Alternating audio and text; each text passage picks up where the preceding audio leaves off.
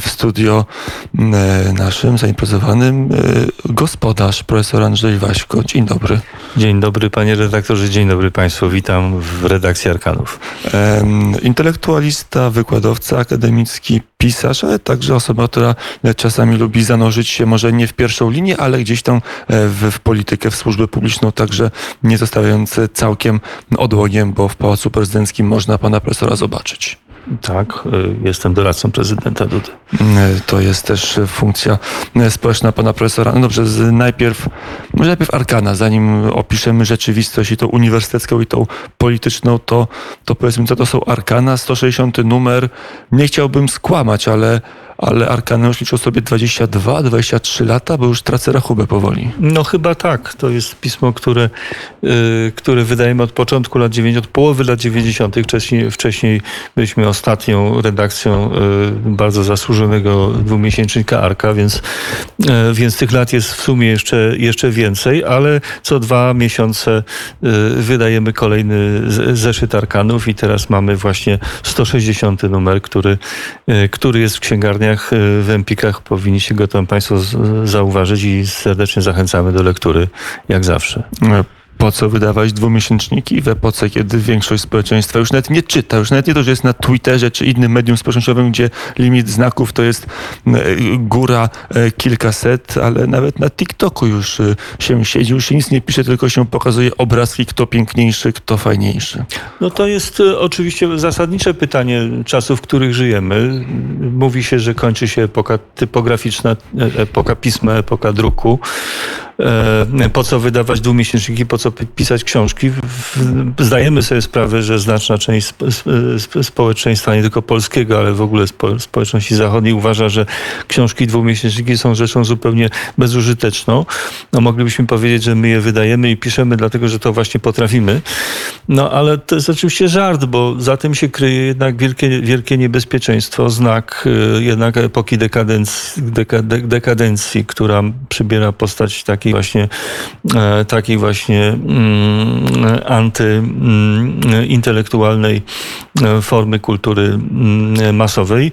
E, być może, e, być może jednak jest tak, że e, została e, w społeczeństwie jakaś część, która poszukuje książki, która, którą można by określić jako tych wyrobionych czytelników, którym nie wystarcza rozrywka, nie, nie wystarcza sport, nie wystarcza nią zakupy. No i oni powinni się poczuć lepiej, mając do czynienia z e, e, pogłębioną analizą rzeczywistości. E, myślę, że, że jest w tym pewna istotna misja i, i, i po, potrzeba analizy świata, w którym żyjemy, bo bez tej analizy nie będziemy potrafili e, zachować ani swojej tożsamości, ani swojej wolności.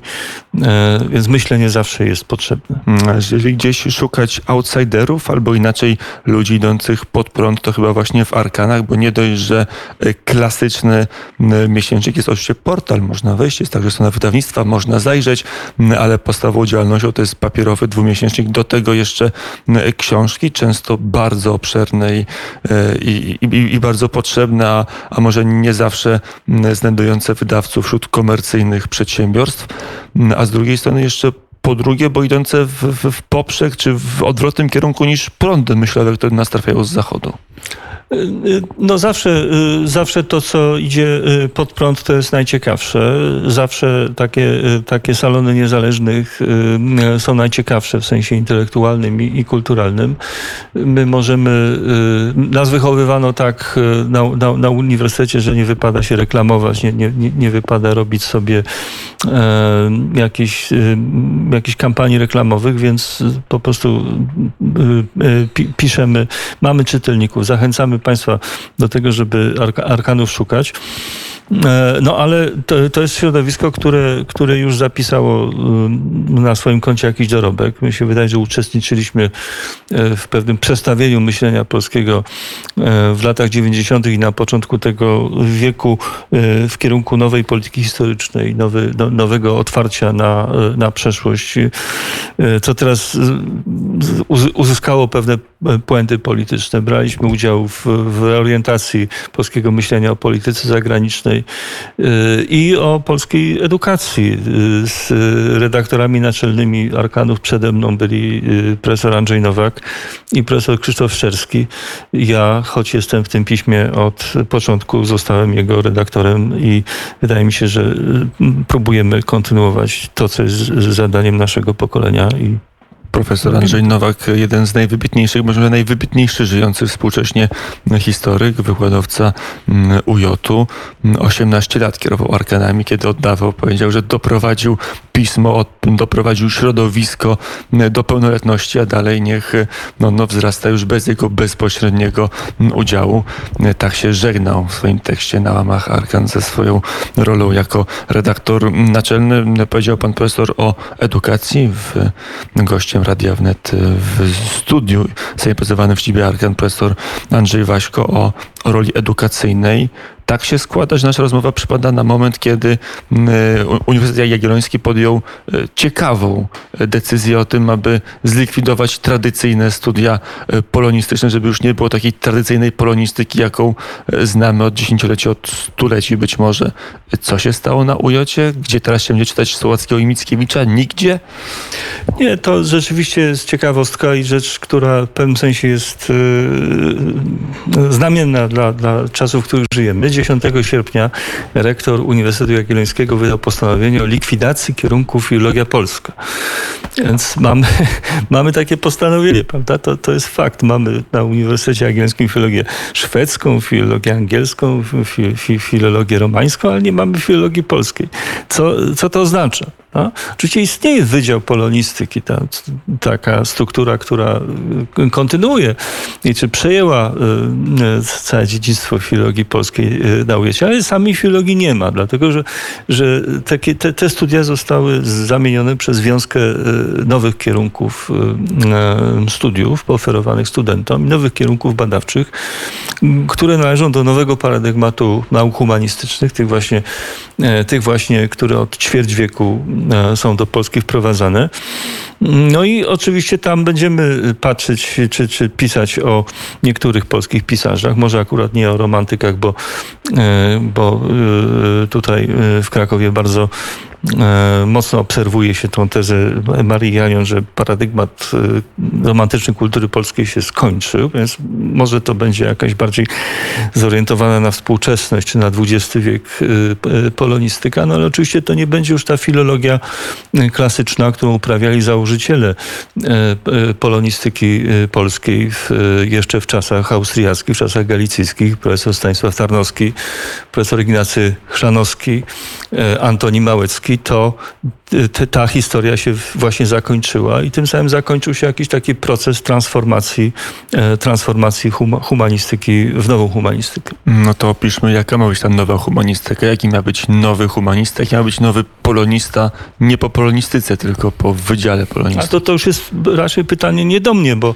Ale pan jest w środku, jest no, pracownikiem tego wydziału, obserwuje te zmiany e, na co dzień w pracy. E, no, mo, mo, można powiedzieć, że będziemy o, tym, będziemy o tym na pewno pisać szerzej w następnym numerze. To jest e, rzecz bardzo ważna i interesująca i e, nieobecna e, na razie w obiegu medialnym.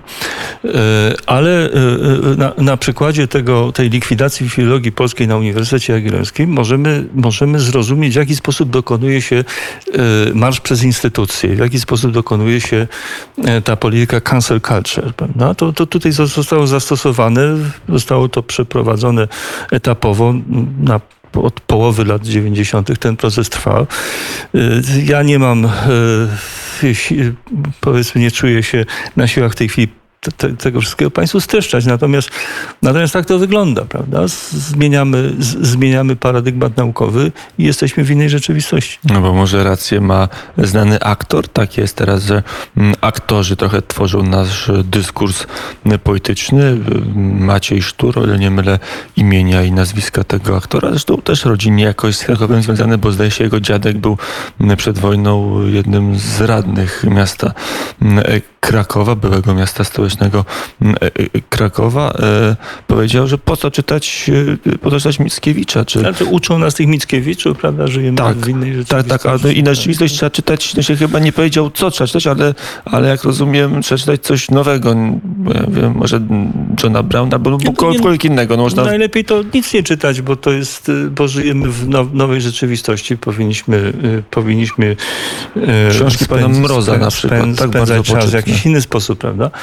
Natomiast rzeczywiście to jest sedno sprawy. No, uczą nas tych Mickiewiczów. Komuś to przeszkadza. No, ten, tu raczej y, nie, nie jest moją rolą odpowiadać na, na, takie pytania, co będzie potem, natomiast zadawać pytania, dlaczego, dlaczego tak, bo oni się boją tego Mickiewicza. Co, im to, co, co, ten, co ten Mickiewicz im tak przeszkadza? Dlaczego? Może dlatego, że jest trudny, może dlatego, że, y, że, że to wymaga. Ale jest może niewspółczesny, może jest niepotrzebny. Do, do, oczywiście już zaczęliśmy naszą rozmowę od tego, że książki są niepotrzebne, prawda? I wiele. A wiele, są potrzebne. Wiele zależy komu, proszę pana. Nie, a zależy powinny komu. być potrzebne każdemu? Nie, nie będę się wypowiadał na temat tego, co jest potrzebne każdemu, prawda? Natomiast jeżeli człowiek jest, nie jest ignorantem, no to, to on wie, do czego służą książki, prawda? To, może, może na tym poprzestanę. A kiedy pan rozmawia, pewnie czasami się taka okazja zdaje swoimi kolegami z Zachodu, na przykład czy niemieccy badacze uznali taki konsensus, że Goethe jest im niepotrzebny? Że to w zasadzie poezja, którą można wyrzucić, że Faust to jest w zasadzie jakieś zamierzchłe dzieło, które w ogóle nie ja przystaje. Tego, ja tego nie dostrzegam, prawda? To znaczy zwiedzałem y, kilka lat temu Muzeum Goethego w Weimarze, dom Goethego, napisałem na, o tym jakiś w swoim czasie i e, widzę, że to jest e, bardzo popularne muzeum, że to jest muzeum bardzo poważnie traktowane, więc jeśli chodzi o, o tych kult tych klasyków weimarskich, Goethego i Schillera, to w Niemczech nic się nie zmieniło. No ale u nas widocznie e, coś próbowano zmienić. Do jakiego stopnia to się uda przeprowadzić, to teraz zobaczymy. Wydaje mi się, tak jak dyskutowaliśmy o tych wszystkich sprawach, o polityce historycznej, o polityce zagranicznej, zagranicznej Polski, o polityce y, oświatowej, bo, bo tutaj jestem wdzięczny Radiu Wnet, że, że wtedy, kiedy ja uczestniczyłem w tych zmianach za czasów minister Zaleskiej, to o tym tutaj na antenie wielokrotnie rozmawialiśmy. To myślę, że teraz tytułem zapowiedzi mogę, mogę tutaj y, zdradzić taką, taki, taki plan redakcji, że teraz zajmiemy się, zajmiemy się kondycją polskiej humanistyki, zajmiemy się analizą tego, y, no, co zlikwidowano i, i, i czy słusznie i co proponujemy proponuje się w zamian za to, co, co zostało zlikwidowane czy, czy zatrzymane w rozwoju, bo Mm, bo pewne y, fakty dokonane już tutaj nastąpiły i, y, y, i my oglądamy już, już skutki decyzji podejmowanych 20 parę lat temu. To są, to są sprawy śmiertelnie poważne, śmiertelnie ważne dlatego, jak będzie wyglądało polskie społeczeństwo za 5, 10, 15 lat, czy będzie komu utrzymać struktury państwa, czy będzie komu utrzymać struktury cywilizacyjne pomiędzy Odrą a Bugiem, E, no bo, prawda, ewolucja społeczeństw ponowoczesnych jest, jest wielką zagadką. To już ostatnie pytanie może z gatunku tych najwyższych. Myśmy trochę wygrali pierwszą wojnę światową i Słowackim i, i Mickiewiczem, co łatwo można wyczy, wyczytać chociażby w listach, wspomnieniach e, marszałka Józefa Piłsudskiego w jego drodze życiowej i wielu, wielu innych przedstawicieli jego e, pokolenia. Jak zabraknie Mickiewicza, jak zabraknie Sienkiewicza, jak zabraknie Słowackiego, to co się stanie z nami jako ze, ze społeczeństwem, jako z narodem?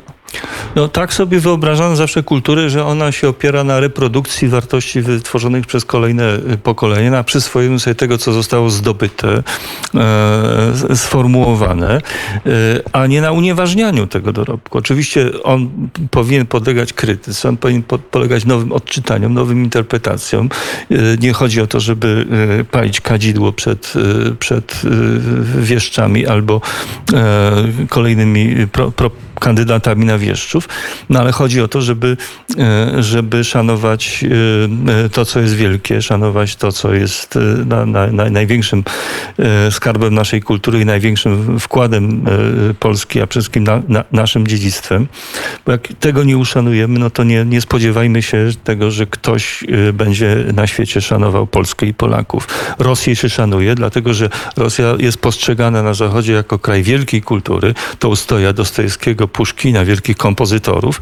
Natomiast ponieważ my nie mamy żadnej y, y, pro, propagandy i polityki kulturalnej wobec zagranicy, jesteśmy postrzegani jako ubogi, krewny, y, sł- słowiański, pro, prosty naród, który nie zasługuje na niepodległość najlepiej by było, żeby Rosja się nami z powrotem zajęła. To, to już ma, to są już stereotypy, które mm, mm, które mają pewien wymiar, prawda, nie tylko kulturalny i literacki. Bo kultura ma znaczenie nie tylko mm, dla naszego życia duchowego, ale także w wymiarze czysto państwowym, e, także materialnym, jakby na to e, szerzej spojrzeć. Profesor Andrzej Waśko, literaturoznawca, e, redaktor naczelny dwumiesięcznika Arkana, był gościem Radia Wnet. Dziękuję bardzo. Dziękuję bardzo. I wykładowca akademicki na Uniwersytecie Jagiellońskim.